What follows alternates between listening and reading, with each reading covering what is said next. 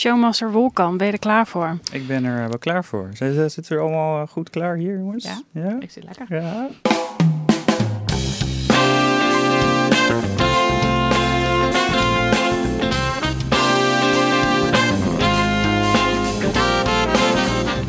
Welkom bij Trace, je gloednieuwe app voor onderzoeksjournalistiek. En ik heb hier ook een laptop openstaan, um. En daar kan ik live volgen wat de collectieve studieschuld is.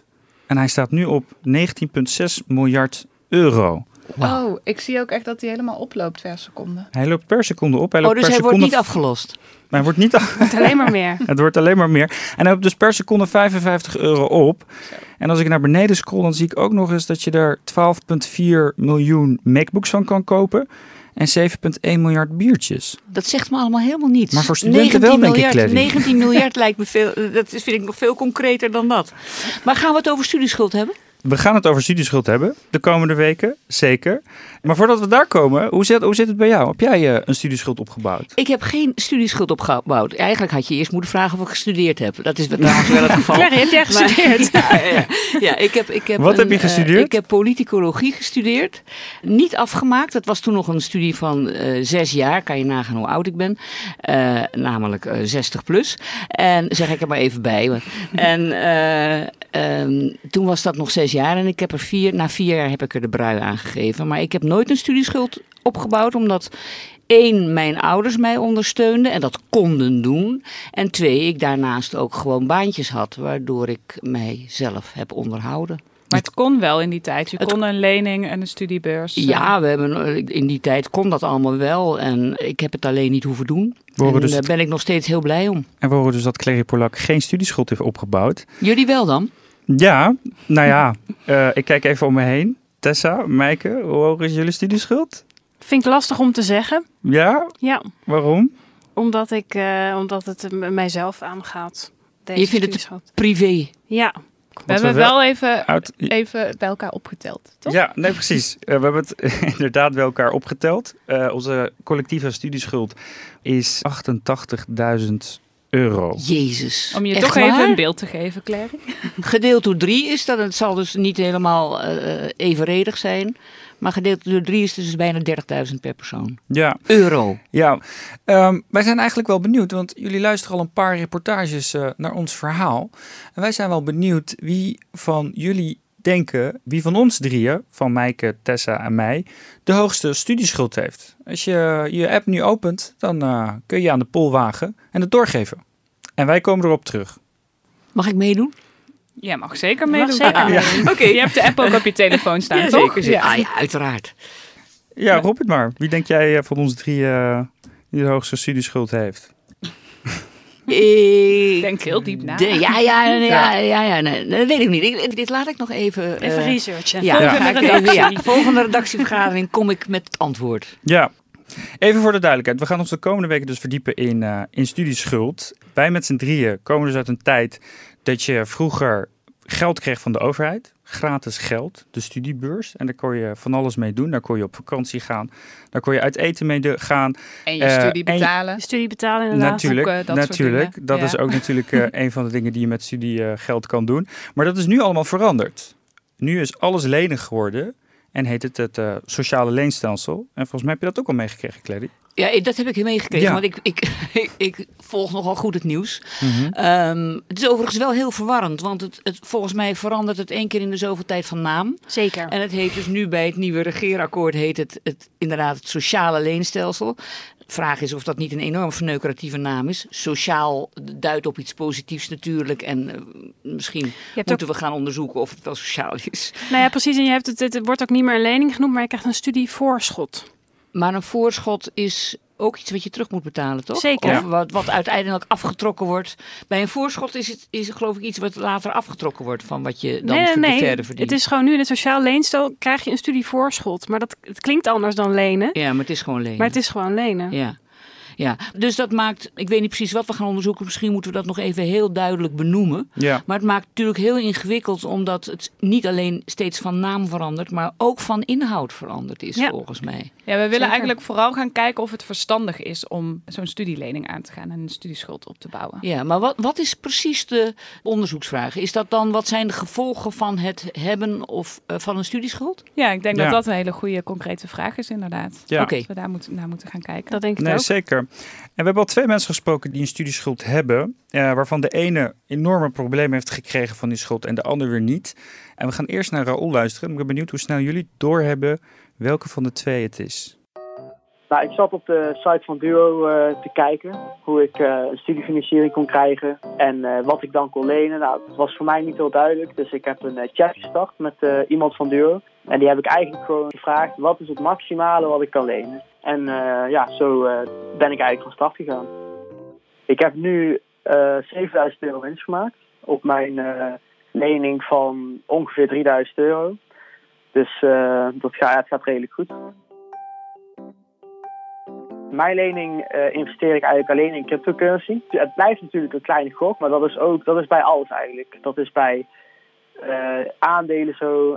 En er zijn heel weinig mensen in de wereld die rijk zijn en die daarvoor geen risico hebben gelopen. En eh, als ik later een schuld overhoud, dan heb ik 30 jaar om het terug te betalen met ja, waarschijnlijk 0% rente. En als ik geen werk kan vinden, dan hoef ik het nooit terug te betalen. Dus er zijn heel veel voordelen. Raoul krijgt dus geld van DUO, Dienst Uitvoerend Onderwijs. En dat is dus de overheidsinstantie eh, waar je studielening mee kan aangaan.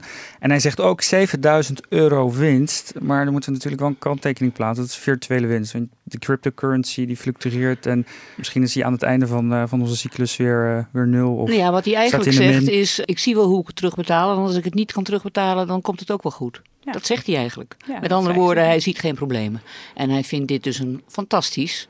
Hij ziet alleen maar mogelijkheden volgens mij. Ja, Ja, Vind je ja. een slimme zet? nou dat weet ik niet. Dat, volgens mij is dat precies wat we gaan uitzoeken. ja 7000 euro klinkt wel eh, aanlokkelijk. Tessa, wat ga jij onderzoeken de komende weken? Nou ja, ik vind het wel grappig, want die Raoul die heeft het dus over eh, dat, dat alles zo voordelig is. Want en de bitcoins zijn enorm in de stijging en ik heb 0% rente.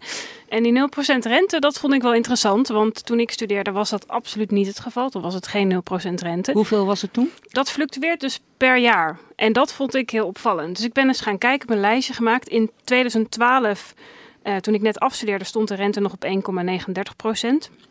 Maar in 2010 was het 2,39, toen studeerde ik dus nog. In 2008 was het 4,17 procent. Dus ten tijde dat de hele Ja. economische sector in elkaar klapte. En dat is op die, nou ja, die 3000 euro die hij nu aan schuld heeft opgebouwd, zou dat ongeveer neerkomen op 125 euro per jaar. En die rentes die worden vastgezet eh, na zeg maar je afstuderen voor vijf jaar. Dus ik ben heel blij dat hij nu voor heel veel mensen op 0% staat. Maar dat kan dus gewoon weer veranderen. Ja. En als je in 2007 bent afgestudeerd, dan heb je dikke pech, want dan staat hij op 4,17% Het hangt af van het jaar waarin je afgestudeerd bent. Want het daaropvolgende jaar wordt hij voor vijf jaar vastgezet. En bij jou was het dus de eerste vijf jaar na je afstuderen had je een bepaald percentage. Maar Ja. omdat die vijf jaar voorbij zijn, Is mag het je nu, ook weer- die 0%. Is het nu 0 En dat blijft het vijf jaar. En dat blijft het vijf jaar, maar daarna is het dus weer de vraag wat het dan gaat zijn. Dus die 0% waar Raoul het over heeft, dat klopt dus niet. Maar ik ben vooral heel erg benieuwd hoe die rentes nou precies vastgesteld worden. Ehm, en dat wil ik eigenlijk in mijn eerste reportage nou eens goed gaan uitzoeken. Oh, het begint me nu al te duizelen. Al Ja, die, ik, eh, ik, ik moet je eerlijk zeggen eh, dat ik het inderdaad al heel ingewikkeld vind. En hoe ze worden vastgesteld, dat zal door banken worden vastgesteld. Ja, ik ga het uitzoeken. Ja. Ik, ik moet eerlijk bekennen dat ik er ook nog niet veel meer van af weet. Maar wel dat het me opviel dat het zo enorm kan veranderen. Dus eh, ik hoop daar in de eerste reportage achter te gaan komen. En daar heel veel duidelijkheid over te geven. Oké. Bij jou begon het eh, te duizelen nog steeds, Maaike? Ja, want ik vind het wel grappig wat je zegt dat het gewoon zo kan wisselen. En ik vraag me af in hoeverre Duo de studenten daar ook echt over voorlicht. Want ik heb dat nooit geweten, Ik terwijl ook ik ook een studieschuld heb opgebouwd. Dus dat is wel, dat maakt dat ik het interessant vind om juist te kijken naar de rol van die dienstuitvoering onderwijs hierin. Ehm, en, die, en die voorlichting. Want eh, ik Ja, begreep nou ja. bijvoorbeeld, Wolkan, dat jij ze al gebeld had deze week als eh, niet als journalist, maar als lener. Dus Ja. als klant van, Ja. eh, van Duo. Ja, nu we in dit onderwerp zitten, dacht ik, ik heb een studieschuld natuurlijk. Oh ja. En om meer te weten te komen, want ik wist ook nog niet alles, om meer te weten te komen over mijn eigen studieschuld, heb ik Duo gebeld om uit te vogelen hoe het precies zat met mijn terugbetaalregeling. En heb je dat ook gedaan toen je de lening aanging? Nee. hey. hey, En dat wat, was een veel meer onbewustere keuze toen. En wat dus interessant is, is dat vorig jaar de Nationale Ombudsman een heel kritisch rapport hierover heeft geschreven. Die hebben gezegd, de communicatie van Duo is slecht. Het sluit niet aan bij de leefwereld van de studenten. En daardoor lopen die schulden onnodig op. En wist jij bijvoorbeeld dat een Duo soms deurwaarders op pad stuurt om die schulden te innen? Nou ja, dat wist ik niet, maar het verbaast me niks. In 2015 hebben ze dat maar liefst 140.000 keer gedaan. Om ervoor te zorgen dat de studenten hun steeds verder opgelopen schuld toch zouden innen. Ondanks dat ze aanmaningen kregen. Maar wat de ombudsman dus zegt, het is grotendeels de schuld van Duo dat dat zo vaak moet. Omdat zij niet goed genoeg in contact komen met die studenten en niet goed genoeg voorlichten. Dus ik wil eens gaan uitzoeken hoe dat dan precies zit. Of dat inderdaad eh, het duo dingen verkeerd doet. En wat ik vooral ook interessant vind, die ombudsman heeft dus gekeken naar achteraf. Als je al een schuld hebt en je moet terugbetalen, of dat dan goed genoeg gaat. Maar op het moment dat je die studieschuld aangaat, krijg je dan wel genoeg informatie. Ben je je dan wel voldoende bewust van de risico's, van de gevolgen. Je kunt heel makkelijk op de website Kudeka klikken en je kunt dat maandbedrag eh, met een paar honderd euro verhogen. Ja, dat zijn wel twee verschillende dingen. Hè? Ja. Eén, krijg je voldoende informatie. Dat is natuurlijk heel belangrijk. Twee, ben je je voldoende bewust van de gevolgen. Want je hoorde net aan Raoul, heet hij geloof ik, dat hij dat helemaal niet wil weten, die gevolgen. Nee. Hij doet dat af als iets heel onbelangrijks. Volgens mij is die voorlichting ontzettend belangrijk, eh, want zo kun je natuurlijk de risico's inschatten en kun je ook bepalen of je eh, wel of niet kan terugbetalen. Ook een goed moment om naar het tweede fragment even te gaan luisteren. Ja, dat is gewoon een jongensdroom geweest.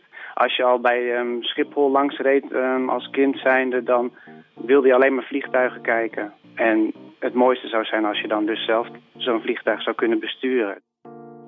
Ik ben gestart met de pilotenopleiding in 2005. In de tijd dat ik begon als 25-jarige was er een, ehm, een enorm tekort aan piloten. Het lukte niet om een baan te vinden als piloot, omdat er gewoon simpelweg recessie ontstaan was in Nederland. Dus gingen alle deuren op slot. Mijn studieschuld was ongeveer rond de 150, 160.000 euro. De rente is zodanig hoog dat ik alleen maar rente betaal met het salaris wat ik verdien. Eh, rond de 70.000 euro heb ik betaald aan rente. En nog helemaal eh, bijna, bijna niets afgelost. Werk als steward bij een eh, luchtvaartmaatschappij en dat doe ik al eh, zeven jaar. Ik eh, kan een redelijk, in mijn ogen, normaal leven leiden. Maar ik kan niet sparen, dus ik kan ook geen grote uitgaven doen als het kopen van een auto of het onverwachts kapot gaan van bijvoorbeeld je wasmachine. Dat heb ik gelukkig ook nog niet meegemaakt, maar ik maak me elke dag zorgen over geld. Elke dag. Er gaat geen dag voorbij dat ik er niet aan denk. Dit is dus een piloot met een enorme studieschuld. En ik zag je heel verrast kijken, Clary. Nou ja, eh, eh, zo, nou meer verschrikt kijken als Ja, ik bizar. ben. Ja. Want eh, zijn studieschuld is dus twee keer hoger dan die gezamenlijke studieschuld van jullie. En dat hij dus alleen maar, waar ik van schrok was, de rente die hij heeft afbetaald, 70.000. Maar dat Dus is een dat groot is- verschil. Want Dat Ja. begreep ik dus niet. Als Nee. de Nee, dat komt, omdat, dat, dat komt omdat de pilotenopleiding particulier is. En daardoor is er geen link met, met Duo. Dus Duo die leent geen geld uit aan piloten, dat doet de bank. En die hanteert andere rentepercentages. Die dingen moeten we wel uit elkaar houden. Ja. Ja, het was Omdat er meer dan hele andere mechanismen gaan werken. Ja, het is meer een heel extreem voorbeeld om te laten zien wat het kan doen. Eh, maar het is wel inderdaad duidelijk om eh, goed om daarbij te zeggen: bij Duo is het wel een andere situatie dan wanneer je via een bank. Ja, dat is ook Ja. wel heel belangrijk. Maar inderdaad, wat hier in elk geval voor ons van belang is, is dat deze jongen die lening aan is gegaan omdat hij dacht, ik krijg een fantastische baan, dan kan ik straks makkelijk aflossen. Dat hij die baan niet krijgt en dat hij nu voor zijn halve leven in elk geval daar nu aan gebonden is en bijna niks meer kan doen. En dat hij zich iedere dag zorgen maakt om zijn studieschuld. Ja. Terwijl heel veel mensen zich juist veel minder zorgen lijken te maken eh, om hun studieschuld. Ja. dat is ook een beetje de aanleiding van mijn onderzoek. Ik heb wat gedoken in wat cijfers van het NIBUD, het Nationaal Instituut voor Budgetvoorlichting. En, en die hebben, vond ik hele interessante cijfers. Die vroegen de studenten Ervaar jij je studieschuld als een probleem? En die vraag hebben ze twee keer gesteld. Eén keer in 2015 toen er nog een basisbeurs was. En nu, nu er een sociaal leenstelsel is. En die cijfers die verschillen heel erg van elkaar. In 2015 vond 30% nog echt het een probleem dat ze een studieschuld hadden. En nu is dat 12%. Met andere woorden, bijna 90% van de studenten ervaart haar studieschuld of zijn studieschuld niet als probleem. En ehm, ik wil gaan uitzoeken hoe dat komt. En wat dat voor gevolgen heeft misschien ook wel weer. En zeker wat dat voor gevolgen heeft, ja. Want het kan ook nog gevolgen hebben voor hoe we verder aankijken tegen het aangaan van schulden. Ja, ja. En hoe Dat ga je dat ik dat- onderzoeken, Wolken? Nou, ik ga dat onderzoeken. Ik denk dat ik in eerste instantie met gedragseconomen moet gaan praten, die die cijfers eh, wat meer tot leven kunnen wekken. Want het is nu nog inderdaad ook voor mij abstract. En ik ga met die praten. En ik heb gewoon heel veel zin om straks eh, weer terug naar de universiteit te gaan en naar andere onderwijsinstellingen. Om met een microfoon rond te gaan om te vragen hoe die studieschuldbeleving is. Dat onder de vind je leuk, hè? Om daar met de microfoon rond te gaan. Niet om te studeren weer. Nou ja, ik heb die studietijd gehad. Ik kan mijn schuld niet verder laten opbouwen, Claire. Ja, eh, ik ga me daar niet eh, over uiten. Oké. Eh, ik ga me dus verdiepen in eh, de studieschuldbeleving. Meike gaat uitzoeken of Duo haar studenten goed voorlicht eh, als ze een lening aangaan. En Tessa gaat kijken hoe het precies zit eh, met die rentepercentages. En als jij nou een probleem hebt met Duo, dan geef het ons door. Want misschien kan Meike daar iets mee gaan doen. Alle Ehm, tips zijn welkom. Ja. Toch? Trace is van VPRO en Human en wordt gemaakt door Tessa, Meike en mij. We worden gesteund door het Stimuleringsfonds voor de Journalistiek. En de muziek die je hoort is van Raad van Toezicht.